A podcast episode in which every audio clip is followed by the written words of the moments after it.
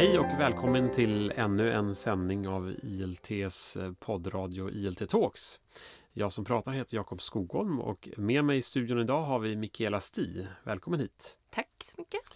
Eh, dagens tema är digitalisering och flerspråkighet i förskolan. Ett tema som givetvis vi brinner eh, starkt för här på inläsningstjänst på grund av vår tjänst Polyglutt. Mikaela, berätta lite grann kort, vad gör du idag? Eh, Eller idag idag, men till yrke. Ja, eh, sedan fem år tillbaka så jobbar jag som central IKT-pedagog i Huddinge kommun. Det betyder att jag eh, jobbar mot förskolan och grundskolan och gymnasiet eh, och hjälper till och stöttar pedagogerna i deras arbete med eh, digitala verktyg och eh, undervisning och så vidare i, ja, verksamheterna. Eh, och du har blivit också lite, eller jobbat ganska mycket med frågan om, om flerspråkighet och, och, hur man kan adressera det i förskolekontexten utifrån digitala verktyg. Eller hur? Ja, det har jag.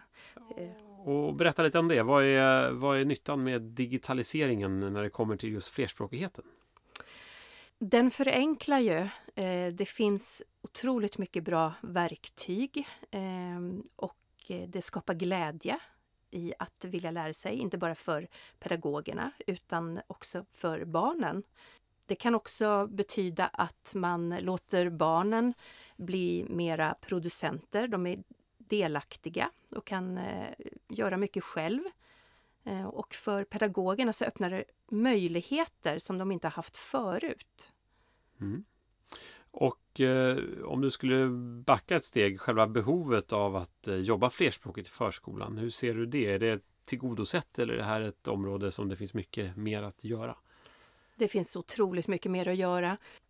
Det finns så stora behov ute att jobba med det här, eh, men det finns inte heller eh, så stora förutsättningar många gånger.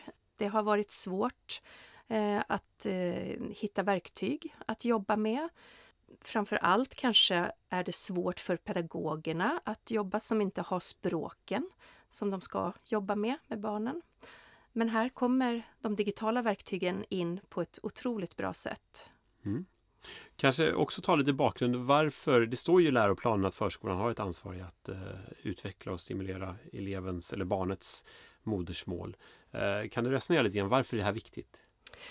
Ja, eh, det är ju så här att ett modersmål är det som är känslospråket. Eh, du behöver ha ett helt språk för att kunna lära dig eh, ett nytt språk. Och för de här barnen så, så har de ju ofta föräldrar då som pratar modersmålet hemma. Eh, de här barnen behöver att få lära sig det här fullt ut för sedan också att lära sig svenska ordentligt det är viktigt när de sedan också ska komma eh, vidare till nästa steg i skolan, grundskolan och eh, läsa olika ämnen där. Har det visat sig i forskningen. Yeah. Och kanske på samma sätt som att en, eh, ett svenskt barn, eller alla svenska barn kanske inte får den språkstimulans de förtjänar hemifrån utan då fyller förskolan i. Det kanske gäller även på, på modersmålet då? Absolut. Eh, just det här med att läsa och eh, få ta del av litteratur och allt eh, som det medför av glädje och allt. Det är många svenska barn som faktiskt inte får det heller. Det är beroende på ja, vad deras föräldrar faktiskt har för bakgrund och självklart också intresse men oftast bakgrund socioekonomiskt. Mm. Och det finns mycket forskning som visar att just litteraturen är extra bra på att eh, driva fram språkutveckling, eh, få kontakt med mycket ord och eh, formuleringar. Och det kan ju faktiskt vara så om man kommer ny till Sverige så kanske det också kan vara svårare att hitta eh, litteratur hemma vid som, som förälder på, på modersmålet. Det är kanske kort och gott är svårare att gå till affären och köpa en sån bok. Det har visat sig också att många eh, av eh, av dessa barn har inte alls böcker hemma överhuvudtaget. Därför att det, det, är inte vanligt enligt deras kultur eller de länderna som de kommer ifrån eh, kanske inte ens en gång har funnits tillgång till böcker och litteratur i det landet de bodde i innan de kom till Sverige. Så att där fyller förskolan en otroligt viktig, eh, viktig del. Mm. Spännande. Okej, men då vet vi lite grann bakgrunden, eh, varför det här är viktigt och, så, och vem du är. Men då kommer man, nu ställer man sig frågan, vad ska man då göra i förskolan och hur kan man jobba med digitaliseringen och de verktyg som ofta finns ute i förskolan idag för att jobba med, med flerspråkigheten? Ehm, 2013, så, eller ja, lite tidigare till och med 2011-12 tror jag de första lärplattorna kom.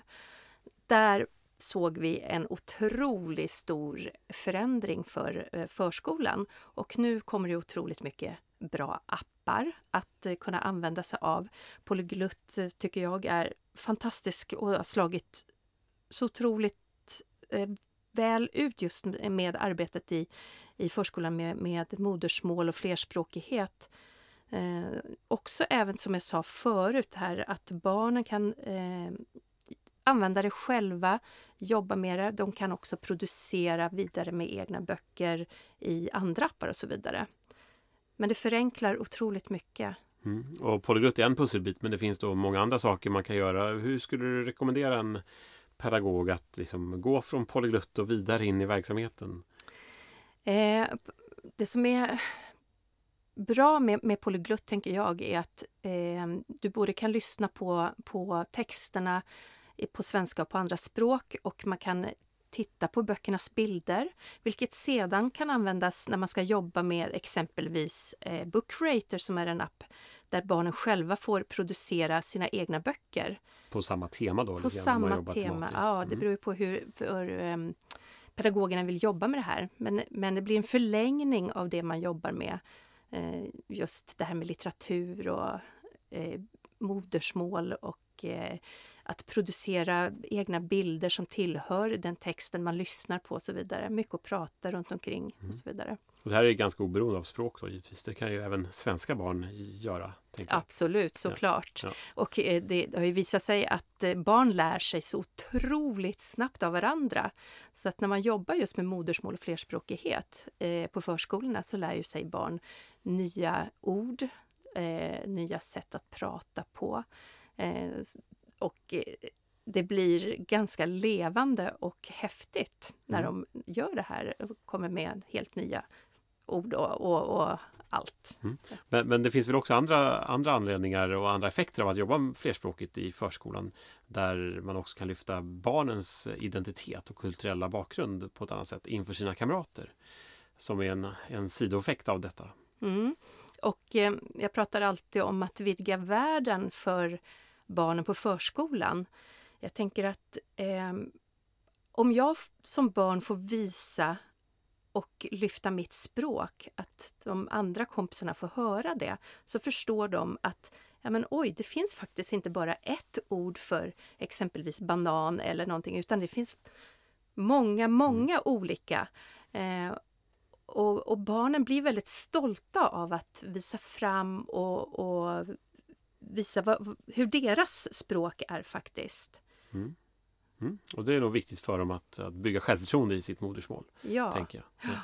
Ja. Um, och du nämnde polyglutt där, det tycker vi är väldigt roligt att höra. Men alla har inte tillgång till polyglutt så det kanske finns knep och knåp man kan göra om man inte har polyglutt, tänker jag. Har du några idéer att, uh, tips och idéer? Ja, eh, polyglutt förenklar ju onekligen med tanke på att där har du alla språk eh, och framförallt våra minoritetsspråk. Eh, men har du inte det eh, så går det att jobba med vanlig analog litteratur såklart.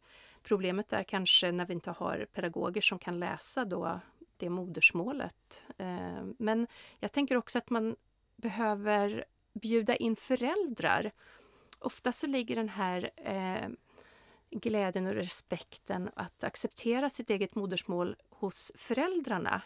Att bjuda in dem att ha lässtunder med eh, barnen om de har möjlighet till det. Eh, det finns eh, igen olika appar, QR-koder exempelvis, där man eh, bjuder in kanske föräldrar att läsa in nyckelord med tema eller de böckerna man ska läsa för att lyfta fram dem. Eh, jag tycker om att man skriver ut QR-koder och QR-koder för de som inte vet är de här fyrkanterna med massa olika mönster som man kan använda kameran och scanna av och så sen går det till en länk där kan man få fram inspelat ljud eller bilder eller liknande. Så det, det är ett enkelt sätt att jobba med modersmål. Och... Det låter bra. Eh, och vi behöver inte forska mer i det här och nu tänker jag. För faktum är att du kommer vara med oss på en eh, fortbildningsturné som vi gör här under hösten tillsammans med en tjej som heter Anna Hellgren som är barnboksexpert, kan jag kalla det så, bilderboksexpert. Eh, som för runt land och rike, sex städer ni kommer besöka tror jag. Eh, och där hoppas vi att få träffa många av er lyssnare på ILT Talks också. Det går att anmäla sig till de här seminarierna via vår hemsida. Eh, där tänkte jag också tacka dig för att du var med på, det här, på den här podden. Och hoppas att vi ses där ute någonstans i Sverige mm, framöver. Tack. Och ni som lyssnar, ni vet att ni alltid kan komma i kontakt med oss på ILT inläsningstjänst för den här podden via Eh, mejl podcast inlasningstjänst.se. Där får ni gärna tipsa om eh, andra röster ni vill höra i ILT Talks eller andra ämnen ni vill att vi ska beröra. Eh, med det sagt så tackar jag för idag och hoppas på snart återseende. Tack så mycket.